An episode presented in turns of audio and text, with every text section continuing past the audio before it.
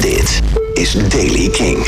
Nieuws over Coachella, Glastonbury, Nirvana, Foo Fighters, Tame Impala en Enter Shikari. Dit is de Daily King van vrijdag 3 januari.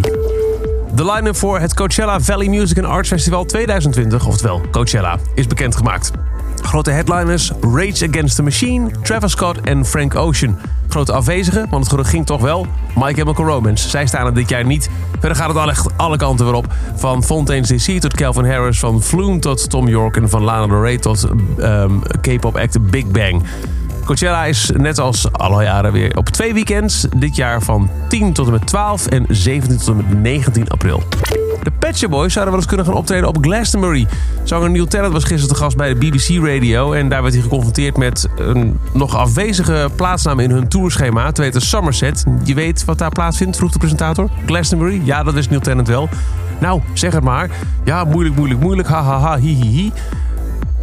Het kwam erop neer dat ze er eigenlijk nog niks over konden zeggen, maar je voelde dat er wel iets in de lucht hing.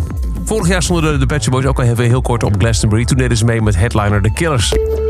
De nog levende leden van Nirvana gaan dit weekend samen optreden tijdens het Heaven is Rock and Roll Gala in het Palladium in Los Angeles. Dave Grohl, Chris Novoselic en Pat Smear zullen samen op één podium staan en ook muziek maken.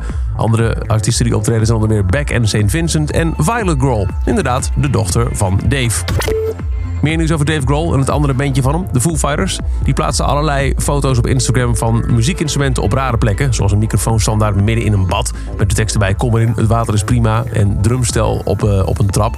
Het lijkt allemaal te teasen naar een nieuw album dat dit jaar moet uitkomen. Waarvan Dave Grohl eerder zei, you'll hear it, it's gonna be fucking weird. Tame Impala heeft geteased dat we volgende week een nieuwe single mogen verwachten van The Slow Rush. Na onder andere It Might Be Time en Borderline komt volgende week Lost in Yesterday uit.